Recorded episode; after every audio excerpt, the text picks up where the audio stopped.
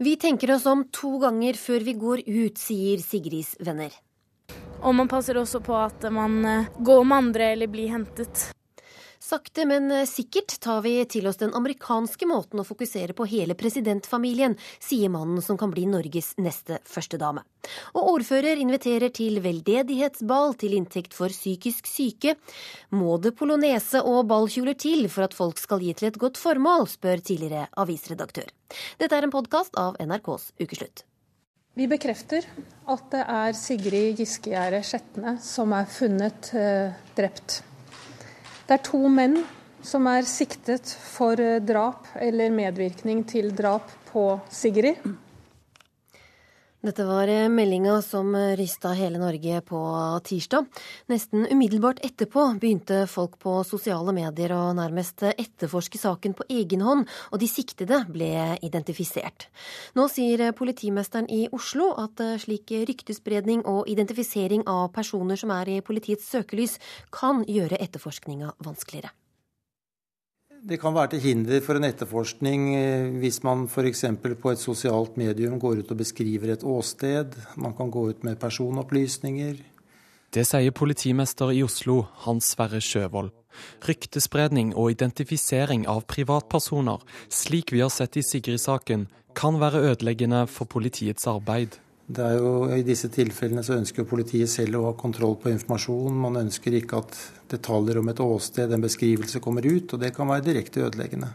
Det er helt klart at eh, åpne kilder på internett er viktig som informasjonstilfang eh, for politiet. Førsteamanuensis ved Politihøgskolen i Oslo, Inger Marie Sunde, har ansvaret for å bygge opp undervisningen på internettrelaterte metoder. Hun mener politiet må bli bedre til å fange opp rykter og tips på sosiale medier og internett. Det er jo også påpekt i Gjørv-rapporten at her har politiet et betydelig forbedringspotensial likevel. Det er klart Politiet i dag følger med på sosiale medier. De kan sikkert eh, bli bedre og mer systematiske måten å gjøre det på. Hvis en TV-reportasje viser et firmanavn, så er veien kort til å finne en oversikt over ansatte, og hvis det er kjent gjennom media at politiet er på jakt etter en person i Ålesund, da tar det ikke lang tid før ryktene oppstår. At det skapes jo et stor, meget stort offentlig engasjement og en form for eh, rally og nærmest oppfordring til privat rettshåndhevelse hvis man da kommer over den skyldige for politimester Hans Sverre Sjøvold er det viktig å påpeke at det også finnes klare fordeler med sosiale medier. Altså En av de virkelig positive mulighetene med bruk av sosiale medier, er at politiet også kan bruke de aktivt f.eks. i ettersøkningssaker. Og i mange etterforskningssaker så er jo det en naturlig kilde å hente informasjon knytta til eh, den saken man ønsker eh, nærmere belyst. Reporter var Eivind Våge. Elisabeth eh, Staksrud, du er eh, forsker ved Institutt for medier og kommunikasjon ved Universitetet i Oslo. Fortell litt om hvordan eh, denne jakten på informasjon om gjerningsmenn foregår på sosiale medier tre kanskje hovedmåter. Den ene er den uh, man går ut og søker på er det noen som vet hvem som uh, informasjon på nettet. Uh, så har man denne muligheten til å sette sammen små biter av informasjon som veldig fort gir et totalbilde. Vi har tjenester på nettet i dag i Norge som samler den informasjonen for deg. Vi har veldig mye offentlige registre, så det er lett å finne ut hvem er det som har et firma som ligger i den veien, hvem er det som har et hus som ligger i Ålesund osv. Eh, men så finnes det også rene, nærmest etterforskningsgrupper som opererer på nettet, hvor man setter seg sammen, eh, jobber sammen og sier hvordan kan vi finne ut hvem dette er. Og så rett og slett systematisk, nesten som en etterforskning egen etterforskning eh, prøver da å kartlegge hvem kan det være som, som, har gjort dette, hvem er det som er siktet, hvem er vi, har vi mistanke til, og så også gjerne publiserer navnet da på de man har en mistanke til. Men hvor mye klarer de å finne ut av, da? Uh, det som vi har sett spesielt i denne saken, er jo at det har kommet veldig mye informasjon på veldig kort tid. Uh, det små informasjonsbiter. Når det, når det, har blitt klart at noen har blitt siktet, så har uh, den identifikasjonen av det man antar er de siktede, gått veldig fort på nettet. Det er ganske mye man kan finne ut ved eh, nettopp dette her at man kobler sammen informasjonen på nettet. Eh, søkemotorer og andre tjenester gjør det veldig, veldig enkelt for de aller fleste. Men media har jo ikke identifisert de siktede, og samtidig så er det som du sier, det er velkjent på sosiale medier, eh, navnene på dem. Hvilke utfordringer eh, byr det på? Eh, ja, Det som er utfordringen her, er at eh, de reglene som pressen vanligvis har fulgt i forhold til at man ikke skal identifisere eh, de som er mistenkte i saker, de, da har de kunnet gjøre dette ved f.eks. å sladde bilder av mistenkte. Man kan gi litt informasjon, men ikke mye informasjon. Nå er det sånn at den informasjonen som kommer da ut i pressen, selv om man ikke identifiserer, er nok til at man kan bruke det i en søkesituasjon, og så finne ut hvem det er. Ja, hvordan da, f.eks.? Ja, altså, typisk nå er jo dette her med å eh, pikselere eller sladde et bilde av en siktet. Så finnes det veldig mange enkle grep man kan gjøre, veldig mange tjenester og programmer, som gjør at man kan sette, sende ut et billedsøk, og så kjenner man igjen da omgivelsene rundt ansiktet. Eh, eller man kan søke på navnet på fotografen som har tatt bildet, som blir kreditert i avisen. Og så vil da originalbildet komme opp med navn og, og, og eh, da andre identifiserende opplysninger. Men er det noe fare for at eh, folk her kan få mer informasjon enn hva politiet får?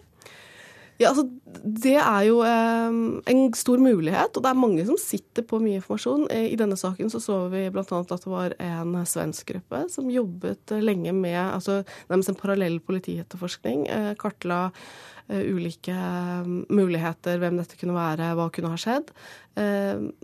Men så er jo det denne, den dobbeltheten at dette kan jo også selvfølgelig eh, være en fordel for politietterforskningen. Fordi at det, man kan få inn da tips eh, og har altså det vi kaller eh, crowdsourcing. At det er flere som jobber med saken, og at mange små eh, brikker kan gi et større bilde, som også kan være politiet til hjelp. Tusen takk for at du kom hit til Ukeslutt, Elisabeth eh, Staksrud. Og um, drapet på Sigrid Giske Skjetne har eh, preget lokalmiljøet på Østensjø i Oslo sterkt den siste måneden. Naboer, venner og frivillige har vært eh, usedvanlig engasjert i letinga, men eh, drapet har også ført til at ungdom har blitt langt mer forsiktige med å gå ut om kvelden. Reporter Irena Kabo møtte frivillige og venner av Sigrid da de møttes for eh, siste gang på Østensjø skole for å markere avslutninga på søket etter Sigrid. Jeg skal fremføre noe på vegne av familien som de har sterkt behov for å uttrykke. Og det er tusen, tusen, tusen takk til alle og enhver. Dere aner rett og slett ikke hvor stor glede de har hatt oppi dette her for at dere har bidratt på hvert deres vis. Hver uke siden Sigrid forsvant, har frivillige møtt opp på plassen ved Østensjø skole. Onsdag denne uken møttes de for siste gang, og Bengt Eriksen overbrakte en takk fra Sigrids foreldre til alle som deltok i letingen. I går kom da det triste budskapet om at uh, Sigrid er funnet død. Vi møttes bak her som vi har gjort uh, veldig mange ganger siden uh, forsvinningen. Og vi ble raskt enige om at vi må møtes i dag igjen, som vi har gjort samtlige onsdager siden Sigrid forsvant.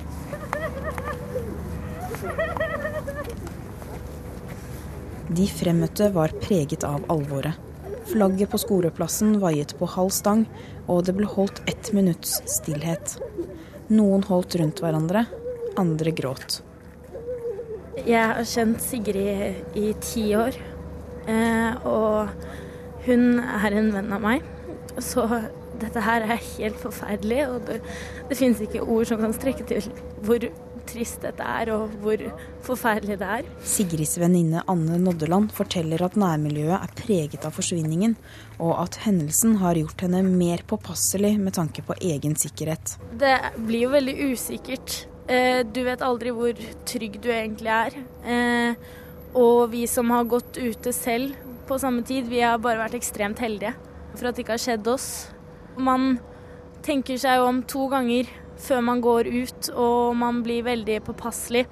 Og man passer også på at man eh, går med andre eller blir hentet. Hvordan eh, har tiden vært før dere fikk eh, beskjeden? Man merker at det har preget veldig stemningen her i vennegjengen. og det, ja, det har vært veldig rart. Det har vært fire uker preget av uvissheten og håp om at vi en gang kunne være sammen med Sigrid igjen og prate med henne. Og der er det jo et uh, lyshav med, med, lys som tennes her, og bilde av Sigrid. Og et fint pyntet alter med to lys og roser. Oppsal kirke har vært åpen for alle som ville minnes Sigrid denne uken, og sogneprest Kåre Skromstø forteller at det strømmet mange ungdommer til fra skolene i området. Lokalsamfunnet her på Østensjø Oppsal eh, er en grønn flekk i byen. Det vi ser, det er at folk tar seg av hverandre. Et veldig engasjement. Befolkningen har vært preget av at vi må finne Sigrid. Og folk har vært ute og lett. Og etter hvert som tida har gått, så har det blitt færre og færre som har gått og lett. Men det har alltid vært noen som har gått og lett. Men også bekymring preger innbyggerne. Sognepresten er nøyere på henting og bringing av datteren nå enn før. Jeg har en datter som eh, er på samme alder eh, som Sigrid og gått på samme skole og vært konfirmant sammen. Og det er klart at eh, vi vil ikke at henne, hun skal gå alene om kvelden. Vi henter og bringer og er mer obs enn før. Ingvild Storaker Kilander bor vegg i vegg med Sigrids foreldre, og har vært aktiv i støttegruppen som ble opprettet da 16-åringen forsvant. Nå er hun opptatt av at frykten ikke skal ta overhånd. Vi må bare prøve så langt vi klarer, og ikke la redselen ta oss. Eh, og jeg tror dette kunne skjedd hvor som helst. Men eh, når det tross alt skjedde her, da, så er det jo fantastisk fint å vite at en faktisk bor i et nabolag og i en bydel hvor folk bryr seg eh, på den måten de gjør. Da. Hva syns du har vært det vanskeligste ved denne saken her? Tanken på en familie på andre siden av veggen, og hvordan de må føle det. Og jeg tenker når vi rundt de, som tross alt ikke er de aller nærmeste, verken familie eller aller nærmeste venner, vi er gode naboer. Eh, når vi syns dette er så vondt, så kan en jo bare knapt forestille seg hvilket mareritt og helvete de har hatt, og fortsatt har. Det er vel det verste. Tror de fleste bare føler en voldsom tomhet akkurat nå. Ehm, det vil jeg tro gjelder alle i området, alle som har lett. Etter siste samling denne onsdagen tømmes skoleplassen for mennesker. For Sigrids venninne Anne var denne siste samlingen viktig. Det var veldig godt å ha en sånn samling. Og der hvor man møtte de man kjente, og man kunne gråte sammen. Og de som arrangerte det, fikk satt ord på det meste. Nå er det bare å holde sammen, og det er veldig fint at de arrangerte dette her. Jeg er glad for at vi har fått et svar, men eh, det var det verste utfallet som ble svaret. Og det er Nei, det kan ikke beskrives. Hvordan tror du det blir fremover uten henne? For meg så blir det noe som jeg jeg kommer til å ta med meg minnet om en veldig god jente som eh, hadde et fint smil og en eh, god personlighet. Og ja, jeg vil ta med meg det gode minnet av Sigrid. Samtidig så vil vi kanskje lære av dette her at vi må ta vare på hverandre. Og at uh, vi vet aldri når vi kan miste hverandre. I Kristiansand er eh, ordføreren vertskap for et eh, ball, hvor de inviterte skal svinge seg under lysekronene for 950 kroner, og hvor overskuddet skal gå til folk med rus og psykiske problemer. Invitasjonen er en studie i karikert sosial snobisme, hvor gjestene skal bli annonsert ved ankomst og danse polonese. Det skrev du, Finn Holmer Hoven, tidligere sjefredaktør i Federlandsvennen, og det skrev du i avisa denne uka. Hva er så galt med et ball for en god sak? Eh, ball er det jo ikke noe galt med. Det kan jo være et hyggelig arrangement. Men jeg syns eh, koblingen til eh, veldedighet er ganske usmakelig. Altså her legger man opp til et arrangement med, som du selv sa, høy etikette og, og høy snobb, snobbefaktor. Og så skal altså noe av inntektene fra dette da gå til eh, noen forhutlede klienter som sitter i en gapahuk ute i skogen utenfor Kristiansand. Eh, det er, eh, det er, etter min mening usmakelig, og jeg trodde vi var liksom At vårt samfunn hadde lagt den form for arrangementet bak seg for lenge siden. Arvid Grundekjønn, du er ordfører i Kristiansand, og vi hører du sitter og ler her i bakgrunnen. Hva er det du ler av? Nei, altså jeg syns jo Holmer Hoven er jo flink til å fremstille dette på en karikert uh, måte. Og han har jo en, en skarp penn og, og spidder det meste når han føler det er naturlig. Men det som er sakens realitet, er jo uh, at uh, det er en ildsjel i byen som hadde lyst til å arrangere et ball i god gammeldags stil. Han fikk med seg et hotell, Ernst hotell, som stiller sine flotte selskapslokaler til disposisjon. Og De kommer da til meg som ordfører og sier vi har lyst til å arrangere et byball. Eh, det eh, er da ønskelig at eh, du og din kone kan fremstå som vertskap for dette, for å gi det liksom den rette ramme. men er ikke det litt gammeldags, da? Å danse polonese for å samle inn penger til et godt formål? Ja, men altså, her er det jo at man på en måte blander kortene. Fordi at poenget er, sånn som jeg opplever det, å arrangere et ball. Altså 950 kroner er prisen. Linken til veldedighet eh, er helt irrelevant. Poenget er at uh, ildsjelene ønsker ikke å kalkulere eh, noen form for overskudd til seg selv, og hotellet kalkulerer veldig lavt, slik at det blir et beløp på anslagsvis 50 000 kroner til overs for et godt formål. Og Det syns jeg ikke er i og for seg noe minus, men poenget er å ha det gøy og ha ball.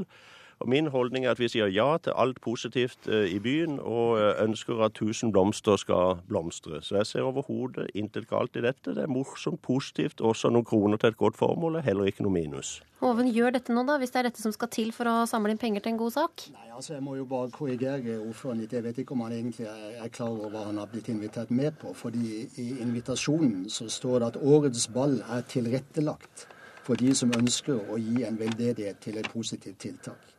Så når eh, ordføreren da både her nå og i Fælandsvennen eh, gjør det klart at eh, dette ikke er et veldedighetsball, så, så tror jeg ordføreren har blitt lurt med på noe han egentlig ikke vet hva, hva er. Ja, hvorfor vil du ikke kalle dette et veldedighetsball? Ja, altså se, se, på kalkylen. Det er 950 kroner for et ball. Altså Hvor får man en god middag treretters med musikk. Men dere skal jo gi penger nei, til et godt nei, formål, nei, er det ikke det som er veldedighet? Ja, men la meg nå få fullføre mitt uh, resonnement her. Altså, Hvis det skulle ha kvalifisert for uh, begrepet uh, veldedighetsball, så ville jeg sagt at hadde du gitt 10 000 eller 50 000 til veldedighet, og så brukt 1000 kroner til mat og drikke, så hadde det kanskje vært et veldedighetsball. Men her er det rett og slett et ball in its own right, og så blir det noen kroner til over som går til et godt formål. Og det er det er det som er sakens uh, kjerne. Og det, det, det, er et ball, og det som er fint med dette ballet, er også at uh, det er åpent for alle som setter pris på denne form for selskapelighet i vår by. Det er et par andre flotte ball i Kristiansand, men de er basert på medlemstilknytning eller en kort gjesteliste. Her er det for alle som liker sånn selskapelighet. Så det er demokratisk, det setter farve på byen, og det gir noen få kroner til veldedighet i tillegg. Ingeborg Sørensen, eh, også du fikk eh, hard eh, medfart da du arrangerte det veldedige valentinerballet på 90-tallet. Kjenner du igjen reaksjonene som Kristiansand-ordføreren får her? Altså, jeg må jo først si det at la oss være realistiske. Veldedighetsball i dag er ikke hva det en gang var. Og tidene har forandret seg, men jeg mener det er veldig viktig å holde på tradisjoner. Alt kan ikke bare forsvinne ut i intet. Og, og jeg er jo enig i mye av det Holmer Hoven sier. Veldedighetsball har nok utspilt sin tid, men slik er det. Lag et flott byball hvor alle som har glede av denne typen stilige selskapeligheter, kan delta. Eh, blir det for mange påmeldte, trekker man lodd for å vise at ballet er åpent for alle, og ordføreren har rett når han sier at det er hyggelig å få seg ei finstasen på en gang imellom og komme seg ut på dansegulvet. Det gjør godt for sjel og sinn. Men hvorfor tror du nordmenn reagerer så sterkt på det her, da? Ja, altså, eh, jeg vil gjerne da spørre Holm Holme Hoven. Hva mener han med Inge, Han skriver da blant annet Ingeborg Sørensen hadde skrapt sammen 372 000 kroner som gikk til veldedighet blant våre trengende på Oslo øst. Hva er det han prøver å oppnå? Det skulle være interessant å vite. Ja, du får svare, Oven. Ja, jeg bare refererer til de tallene hun selv har oppgitt. Etter Unnskyld, jeg har ikke oppgitt disse tallene. Hvis du har gjort hjemmeleksa di, så hadde du sett, hvis du virkelig hadde undersøkt tallene, så hadde det stått at vi ga i underkant av 1 million kroner til Ammerud eldresenter for utvikling av hva man kan prestere og være et forbilde for for alle aldersentre i hele Norges land. De kommer til og med fra Tromsø til Ammerudsenteret for å se utviklingen de har gjort der. Det kan vi få høre mer om en, eh, en annen gang. Men Holver Hoven, eh, det, det, det, holdes jo mange ball her i landet. Og flere i din by, Kristiansand, som er lukket, som ordføreren sa. Hvorfor skal ikke dine bysborgere få gå på ball hvis det er det de har lyst til? Jo, bevares. Altså, byball, eller hva man eh, nå måtte kalle arrangementene, Eh, det er jo ikke det jeg reagerer på. Jeg reagerer på denne koblingen her med en slags sånn patroniserende veldedighet, som altså man kobler sammen med, med et ball for uh, de bedrestilte, som da skal gi Eh, gi kroner til, til, de fattige, eller til de trengende, verdige trengende. Det er jo denne kombinasjonen som jeg syns er usmakelig. Hvordan skal man samle inn penger da, da? Jo, Man kan jo samle inn penger på andre måter. og Dessuten kan kanskje Kristiansand kommune de kunne kanskje selv ha bevilget disse 50 000, eller hvor mye man forventer å få inn her. Dette er jo et uh, kommunalt prosjekt. Så, men, men, det er jo koblingen med veldedighet og eh, si, Kongressen danser på Ernst hotell, som jeg syns er ganske usmakelig. Ja, hva tenker du om det, Grundekjønn? Kontrasten mellom de som skal gi penger og de som skal få? Nei, altså jeg syns jo den koblingen er lite relevant. Eh, det er klart at det å kle seg pent og danse under prismelyse kroner, det er gøy og moro, og det har sin egenverdi. Og det å støtte eh, gode tiltak, det har også sin egenverdi. Men den linken her, den er kanskje ikke ideell. Men det, jeg synes når man, når man, har det gøy og hyggelig, eh, så er det jo ikke galt at man også lar noen kroner tilflyte et godt eh, formål. Og her er det altså eh, hotellet som kalkulerer lavt, og arrangøren som jobber gratis. Altså Frivilligheten er jo fantastisk fin på alle samfunnssektorer. og Vi trenger frivillighet, og vi trenger noen gaver. Du kan snakke Holmerhoven om de offentlige budsjetter, men de strekker ikke til på noe felt. Så å få litt fra privat sektor, det er egentlig bare hyggelig, det. Et siste spørsmål til eh, Ingeborg Sørensen. Du måtte gi opp eh, valentinerballet. Har du et godt råd til ordføreren i Kristiansand? Jeg måtte ikke gi opp. Men når du prøver å gjøre noe som er veldig positivt, så ønsker du jo faktisk at, eh, at det blir tatt som det det er i utgangspunktet. Ja, altså når du snakker om det Jeg var jo veldig involvert i veldedighetsarrangementer i Amerika. Men jeg tror ikke min timing var den riktige her hjemme, så jeg legger meg flat der jeg tok feil. Men jeg er stolt av det vi gjorde, og vi sto på å jobbe døgnet rundt i en periode. Og glede og den entusiasmen var nesten Altså, en entusiasme eh, gir jo positive ting, og ut av dette positive så blir du jo glad og lykkelig, og hvorfor skal man ikke være glad og lykkelig? Og jeg støtter ordføreren 100 og, og, og da må jeg si også at den de pengene man får inn på et sånt ball, om det nå skulle være 50 000 kroner, det er ikke fordi at du skal bygge et nytt eldresenter, men kanskje de pengene vil være en god ting, så disse på eldresenter får sitt ekstra glass rødvin på en lørdagskveld som de ellers ikke ville ha fått. Mm. Sånne småting i hverdagen som er ganske store. Tusen takk skal dere ha, Ingeborg Sørensen, Arvid Grundekjøn og Finn Holmer Hoven. Du hører på en podkast av NRKs Ukeslutt, hvor det straks blir mer om dette. Hvis familien måtte være en del av valgkampen, måtte vi tatt noen flere runder i familierådet, sier kona til SV-leder Audun Lysbakken. De har ikke råd til mat i Norge, og det kan ta uker før de får tatt en dusj. Østeuropeiske langtransportsjåfører forteller om livet på veien i Norge. Mandelpudding uten mandel, vaniljesaus uten vanilje og fårepølse med bare bitte litt får i. Denne uka har vi fått høre at eh, ikke alt vi spiser er helt det det gir seg ut for. Ukeslutts reporter Eivind Våge har eh, leita etter høna i kyllingfileten. Har du sett på den før? eller? Nei, 0,5 vårløk. Ja, det er noen grønne prikker her når jeg ser nøye. En oppgitt rockekokk leser opp ingrediensene bakpå en pakke kyllingfilet med vårløk. Her også står det kalkunfilet naturell. Kokken Mone Halvorsen er frustrert over produkter som ikke holder det de lover på emballasjen. Og da, naturell, da har du ikke gjort noe. Og du har til og med klart å få den til å se ut som den er eh, skåret. Men det er faktisk bare 53 kalkunfilet dette her òg. Og hønsefilet. Så det er faktisk å lure folk. Kalkun, et smart valg. Men det finnes håp. Unge håp. Hei, alle sammen. Hei, hei, hei. Det er deilig å, å spise mat du har lagd selv. Men det er jo deilig å bare gå i butikken og kjøpe ferdig pølser eller ferdig fiskepudding. Ja, men da kan du være stolt av deg selv. På en gammel gård i Oslo, gjort om til et matlæringssenter for barn, er talen klar fra elleveåringene som har tilbrakt fire dager på kjøkkenet der denne uka. Ja, det er, det er godt å spise det du har lagd selv. Jeg syns det er veldig fint at barn kan komme her og lære å lage mat selv. For du vet at det er eh, ikke alle foreldrene deres heller som vet så mye om eh, mat og hvordan man tilbereder mat. Sier Lene Gjelsvik. Jeg er daglig leder her på Geitmyra matkultursenter for barn. Det vi eh, driver med sånn helt overordnet, det er å bidra til at barn og unge blir glade i mat som gjør dem godt. På bordet foran meg er alt laget fra bunnen av. Sjetteklassingene har lagd røykelaks, råkost, eplekompott, ertepuré, honningrista nøtter og chilimajones, hjemmelagde rundstykker og mye annet godt. Er dere sultne? Ja. Vær så god, forsyn dere. Ahmed. Eh, jo, nå har jeg legg på um, eple... Ja, eplekompott heter det. OK.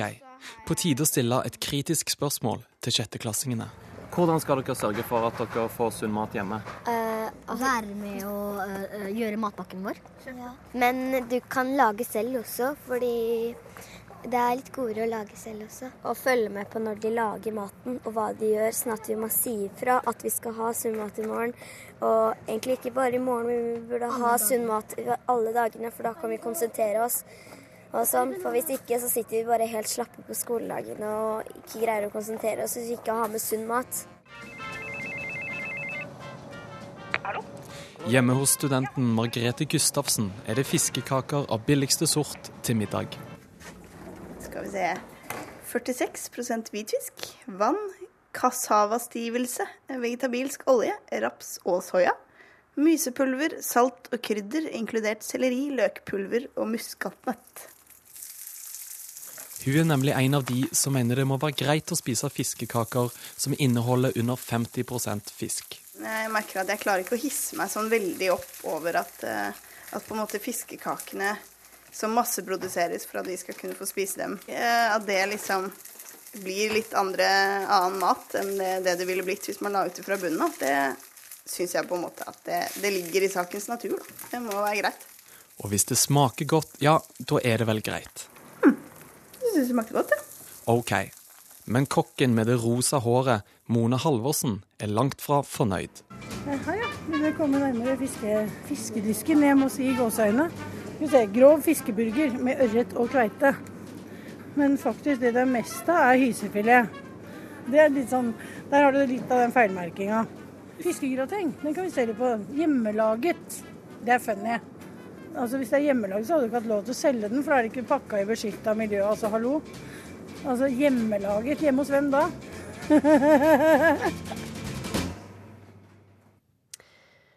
Østeuropeiske sjåfører som kjører i Norge og resten av Vest-Europa, tjener en brøkdel av sine norske kollegaer.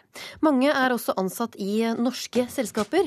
Polske Marek sier at han har ikke råd til å kjøpe mat i Norge selv om han kjører her, og det ble kjent i radiodokumentaren på NRK P2 i dag. Nå frykter de norske sjåførene for sosial dumping og for sine egne arbeidsplasser. Du har jo hatt bileiere som har kjørt eh, på Polen, eh, Tyskland, eh, Italia, som jeg kjenner. Men det er bare det at dette her er borte. Er, vi må bare skrive historie, se på gamle bilder. For det, er, det skjer ikke lenger. Det er ikke noe vits i. Det er satt søkelys på sosial dumping i renholds- og byggebransjen. Men nå dukker det opp stadig flere historier, også fra transportbransjen. Er, nå skal vi ta av her, og så skal vi svinge svinge ned igjen på motorveien. Svein Ottar Borgen er en sjåfør i midten av 50-årene. I køya ligger tykke syntetiske pledd, og Wunderbauen dingler i vinduet. Han har engasjert seg fordi han frykter for jobbene til de norske sjåførene, og for at de utenlandske sjåførene blir utnyttet. Polen. Polen, okay. Langs E6 et par mil sør for Oslo står flere litauiske og polske lastebiler og vogntog parkert. Is very low. it's about 1000 euro, one and a half, it's maximum. Only Swedish, Norwegian and Danish people have more. Gjennomsnittslønnen i Polen er 6500 norske kroner. Sjåførene ligger noe under det. Sjåfører fra Bulgaria, Estland og Polen som bor i hjemlandet, lønnes etter lokale satser. Selv om mange er ansatt i skandinaviske selskaper og datterselskaper. Derfor taper ofte de norske sjåførene i kampen om jobbene. De er blitt for dyre. Men det er det som er så forferdelig, det at sjåførene det, liksom, det, skal ikke, det skal ikke koste noen ting. Alle varer skal være veldig, veldig, veldig billig. Vi har kommet til Gøteborg og Stigs senter. En stor parkeringsplass med bensinstasjon, motell og kiosk. Her er det også gratisplasser uten fasiliteter. Og der står de utenlandske vogntogene på rekke og rad. Ja, der står en gul Daff, den er fra Tyrkia står det en eh, ved sida her. Det er en Scania. Den er fra Rumenia. Hvordan syns du det lukter her, da? Det lukter urin. Det er det det gjør. Men det er, det er ikke noen toaletter her, så det blir bare sånn. Turkish restaurant. Driver restaurant. Ja. De utenlandske sjåførene forteller at de er mer på tur enn hjemme. Derfor strekker ikke lønnen til. Derfor har de med seg mat, derfor har de ikke råd til å stå på stoppeplasser der det er toalett og dusj. Paprika, tomat, biber. Brød, tomater, paprika og smør ligger på bordet. Alt har de med seg fra Tyrkia. Can I ask you your salary? Uh, 1000 euro. 1000 minimum little. Kasimer sitt vogntog er lastet med klær til norske kunder. 500, 600, up and down, 500, 600. My boss say to me, you have to go this address, I will have to go. I'm just driving, I'm just staff. I'm staff. Ja, man tenker seg då at han kjører her i, Han kjører då tydligen i Norge. Det innebærer at han skal kjøpe mat i Norge. Ved siden av en rødmalt snackbar på parkeringsplassen står politisjef Håkan Karlsson i sivil og knipser bilder av sjåførene. Han kanskje har en familie hjemme som skal leve på 500 euro i måneden. Uh, ja, det kanskje ikke blir så mye penger over. Han er leder for et EU-prosjekt som skal forhindre kriminalitet i transportbransjen i Sverige. Ja, om jeg åker hit så får jeg jo se hvordan chaufförerna har det. Og da forstår man at man har jo ikke samme levnadsvilkår. Sosial dumping er når utenlandske arbeidstakere som utfører arbeid i Norge, får vesentlig dårligere lønns- og arbeidsvilkår enn norske arbeidstakere som utfører de samme jobbene. Og det er ingen minstelønn for transportbransjen i Norge. Du kan i prinsippet betale hva du vil. This life is not good, but it's uh, better money, like 38 år gamle Marek snur på to pølser og en gul løk som ligger på engangsgrillen. Shower. Shower is uh, not every stations, gas stations. It's uh, one week, one and a half in a week, and no shower. How is that? We must, uh, we must drive in, uh, here because it's in Poland is no job, no, no, no, no. Marek bor i Polen, men er ansatt i et svensk firma, og sier han tilbringer mesteparten av tiden i Skandinavia. Og lønnen hans på 1000 euro er noen tusenlapper mer enn en polsk sjåførlønn. Han er overrasket over at norske sjåfører tjener over tre ganger så mye. Three times. Give me this job. What do you think about that? Mm. It's not good. We we we doing the same the same work. The Swedish companies wants a Polish drivers, and Norwich companies wants a Polish drivers. And Polish drivers is good drivers. Reporter var Gro Engen. Erik Landstein, du er statssekretær i Samferdselsdepartementet. Her hører vi om polske sjåfører som jobber for skandinaviske og norske selskaper, og som ikke har råd til å kjøpe mat i Norge. Hva tenker du om det? Jeg tenker at slik vil vi jo ikke ha det. Vi vil jo at folk som jobber i Norge skal få en skikkelig lønn og behandles ordentlig. Og det vi ser her, det er jo egentlig det brutale ansiktet eh, til liberalisert, eh, et liberalisert Europa. Eh, som mange hadde vært mot, ikke minst på, på nei-siden i, i, norsk EU-kamp. Men det er slik at når man da åpner opp grensene, så blir mulighetene både for kontroll mindre, og man har også faktisk mindre mulighet til å stoppe aktører som opererer på tvers av, grensene. EU-kommisjonen ønsker tvert imot at vi skal ha åpnest mulig grenser, og at flest mulig skal kunne jobbe på tvers av grensene. Men, men selv, selv, Posten har en datterselskap i Slovakia hvor de lønner sjåførene etter eh, lokal takst. Er det greit at også statlige foretak, eh, altså norske, medvirker til denne sosiale dumpinga? Nå tror jeg Posten selv skal få lov til å svare på hvordan de organiserer sin virksomhet, og det fikk de anledning til i den radiodokumentaren som ble sendt tidligere på NRK i dag. Men, men det er jo et tankekors for oss alle eh, at det på våre veier i Norge er eh, arbeidstakere fra andre land. Antageligvis i et eh, større omfang enn det vi har trodd tidligere. Som har helt andre lønns- og arbeidsvilkår enn det vi ville akseptert for for oss selv eller for naboen vår eller for, for naboens barn. Men er det greit? Er det noe den norske regjeringa kan leve med? Nei, Regjeringen er jo øh, vi, Vårt klare utgangspunkt er at folk skal få øh, den samme lønna og skal behandles på samme måte hvis man jobber øh, i Norge. Hva vil dere gjøre med dette her da? Ja, og så er det da slik at vi pga. EØS-avtalen Eh, eh, har eh, begrensninger i forhold til hvor langt vi kan gå i forhold til å forfølge et sånt prinsipp. Det vi ønsker å gjøre, er å kartlegge omfanget av dette nærmere. Der er bransjen i gang selv. De skal komme med tilbakemeldinger på hvordan man kan gjøre det bedre.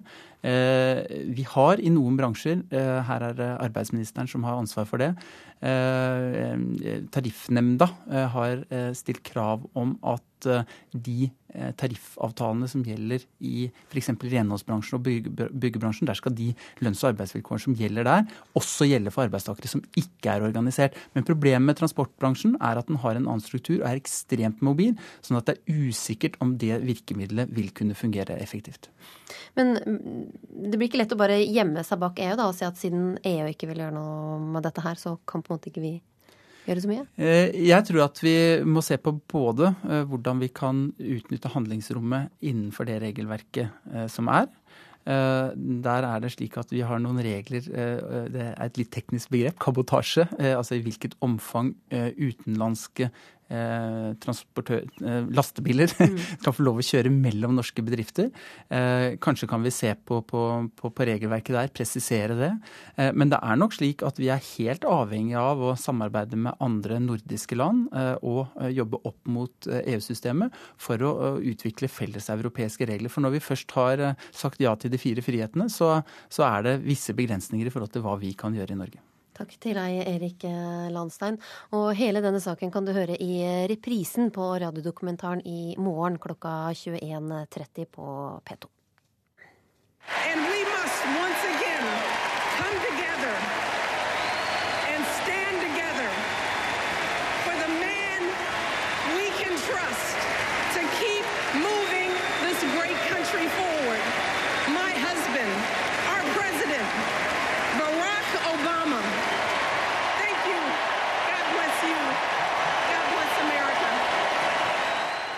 Michelle Obama trådde til denne uka i den amerikanske valgkampen og hyllet ektemannen. Noen dager før var det Ann Romney som fra talerstolen lovpriste sin mann for å kapre, kapre flere velgere i presidentvalget i USA. Denne helga er akkurat ett år til neste års eh, valg her, og vi merker allerede nå at valgkampen er i gang. Og Siv Mjåland, du jobber i Redd Barna og er kona til SV-leder Audun Lysbakken. Michelle Obama er jo tydelig veldig engasjert i eh, mannens eh, politikk. Hvordan er det hjemme hos dere? Jeg er engasjert i politikk, men det er mer når vi har samtaler og debatter hjemme rundt kjøkkenbordet. Det er ikke sånn at jeg eh, det, er, har noen offentlig rolle, og det syns jeg er helt eh, ålreit. Hvordan foregår de politiske diskusjonene hjemme? Ja, Der eh, vi kan diskutere så temperaturen går høyt. Men det syns jeg er kjempemorsomt, og det syns jeg er veldig spennende med å være sammen med en som er såpass involvert i norsk politikk. Men hender det at du trår til å bidra litt på taleskrivingsfronten også? Det gjør jeg ikke, men jeg leser ofte ting eh, Audun skriver, og vi diskuterer eh, hvordan han kommer fram med budskap, og jeg er liksom, håper jeg, hans eh, en, en raus kritiker. Sindre Finnes, fagsjef i Norsk Industri og ektemannen til Erna Solberg. Hvordan er din rolle som hva skal vi si, Høyres førstedame eller førstemann? Min rolle er jo først og fremst å, å ordne opp på hjemmebane og sørge for at ungene kommer dit de skal, og at hverdagen fungerer best mulig. Det er på en måte den største rolla som, som, eh, ved det å være gift med Erna. Men uh, hender det at det oppstår litt uh, komiske situasjoner når, altså i krysningspunktet mellom privatliv og offentlige opptredener for Erna og for deg? Et eksempel kan være en gang vi forlot en juleavslutning før den var ferdig, og, og måtte løpe for å reise på Slottet og feire 100-årsjubileum for Norge samme kvelden. Og Da stilte vi i eh, juleavslutninga Erna i, i ballkjole og er sikkert i smoking eller kjole hvitt. Um, Anne Romney uh, hun uh, lovet både gull og grønne skoger hvis uh, hennes mann ble valgt i, til Amerikas neste president. Hør her. I can't tell you what will happen over the next four years, but I can only stand here tonight as a wife and a mother and a grandmother, an American, and make you this solemn commitment. This man will not fail. Dette er uh, sterke ord, Siv. Kunne du sagt det samme om uh, din mann? Nei, jeg jeg, altså, den, den, amerikanske retorikken funker jo veldig godt i, i USA. Eh, det, det, skjønner jeg jo, men her i Norge så er det heldigvis, syns jeg, ganske annen eh, kontekst. Men hadde du kunnet vært kona til en av de amerikanske toppolitikerne? Jeg tror ærlig talt at, at, hvis det hadde vært eh, de forholdene her, så hadde vi kanskje gått noen flere runder før Eidun hadde stilt til eh, kandidat SV-leder. Eh, Sindre, eh, hva ville du sagt om eh, Erna hvis du måtte stå på talerstolen og hylle henne? Nei, Jeg har jo sikkert sagt noen sånne ting, at hun er flink og har god gjennomføringsevne og kan få til den politikken hun arbeider med. Må man gjøre noen offer som ektefelle av en toppolitiker? Ja, du må gjøre mange offer som ektefelle av en politiker. Det mest opplagte offeret som er lett å se, er jo at det, du får ødelagt ganske mange helger. Hva er fordelene da med å være førstedame eller førstemann her til lands? Nei, Du får jo være med på mye eh, morsomt. Du får være med på masse fine middager, treffe mye folk, være med i interessante diskusjoner sosialt. Og det er på en måte noe som du må sette pris på og være glad for å få være med på. Det er ikke så mange som får delta på Slottet en tre-fire-fem ganger i løpet av et år. Hva sier du, Siv? Altså, Jeg syns jo det er veldig spennende å følge Audun i den jobben han gjør. Jeg syns jo han er kjempeflink. Eh, og syns det er spennende å se om man klarer å få til disse prosjektene som man tror så mye på, og som man jobber så hardt for. Eh, og så vil jeg bare si det i forhold til eh, oppofrelser og sånn, så er det jo litt sånn at vi, vi har jo veldig små barn. Eh, og Audun jobber jo selvfølgelig veldig mye. Men han, hvis han skal f.eks. gjøre noe partigreier i helgene eller sånn, så har han ofte med seg en av ungene, f.eks. Så tar vi en hver. Men har du en garderobe fylt av ballkjoler klare til å brukes på Slottet? Jeg har vært på Slottet én gang, og det var første gang jeg var på Slottet i hele mitt liv. Så det var veldig sånn, jeg følte jeg gikk og kikka mye i taket og så, for det var jo veldig fint der. Um, men da, da, skjønte jeg, for jeg googla litt på nettet og skjønte at man, det var galla som var antrekket. Og det var liksom, jeg måtte faktisk finne ut hva det var for noe. Uh, og da gikk jeg på Uff og kjøpte meg en, syns jeg, råstilig kjole. Men uh, da var budsjettet 250 kroner. Og det, det var liksom Det er den ene gangen jeg på en måte har vært på sånn uh, dress code uh, offisiell uh, sammen, sammen, med Audun. Hva med deg, Sindre? Har du fått noen gode tips på veien? Ja, et godt tips jeg fikk med en gang Erna ble statsråd i 2001, fikk jeg fra tidligere statsråd Bjarne Håkon Hansen. Så sa han til meg Sindre, ikke tenk på å leie en kjole og hvitt. Det kommer til å bli så mange anledninger at du kan like å kjøpe en med en gang. Mm, vi skal tilbake til disse førstedamene i uh, USA. Uh, Anne Romney hun uh, spiller ut også kjærlighetskortet. La oss høre på henne. Tonight, I want to talk to you about love. I want to talk to you about the deep and abiding love I have for a man I met at a dance many years ago. Kunne du, Sindre, erklært din kjærlighet til Erna fra talerstolen? Ja, Det tror jeg ville vært litt uvanlig. Men i Norge så blir jo gjerne den delen ivaretatt av, av uh, ukebladet, som gjerne vil vite litt mer om bakgrunnen og hvor, fant, hvor paret fant hverandre og slike ting. Men har dere noen uh, forbilder av uh, førstedamer og førstemenn opp gjennom historien, eller nå til dags? Jeg syns jo at, jeg synes at i hvert fall Hillary Clinton er mye kulere nå som utenriksminister enn jeg syns hun var som first wife så vet jo vi på en måte hva mange i Norge så, så opp til politikerparet i Sverige. Fredrik og, og Filippa Reinfeldt, at de klarte begge to å ha hver sin politisk karriere. Men vi vet jo nå i ettertid hvordan det gikk. Det ble skilsmisse nå i sommer. Så skal kanskje være litt forsiktig med å trekke frem eh, Eh, favoritter i slike forhold, for du vet jo ikke hvor det ender. Men tror dere at den amerikanske førstedamekulturen også kan eh, komme hit etter hvert? Eh, jeg, tror ikke det. Har du tenkt på det? Ja, jeg har tenkt på det, og jeg ser jo på en måte en utvikling. Fra den gang Kåre Willoch var statsminister, så hadde han tre barn som vi visste svært lite om i den perioden han var statsminister, men nå vet vi om barna til dagens statsminister, så vet vi bl.a. hvor de skal studere og hva de skal studere og litt slike ting. Så jeg tror på en måte at det sakte, men sikkert så tar vi til oss litt av den amerikanske måten om at det skal være en familie som står rundt og bak en politiker, og vi vil vite litt mer om, om eh, de forholdene der som de er så opptatt av i USA. Tusen takk, Sindre Finnes og Siv Mjåland.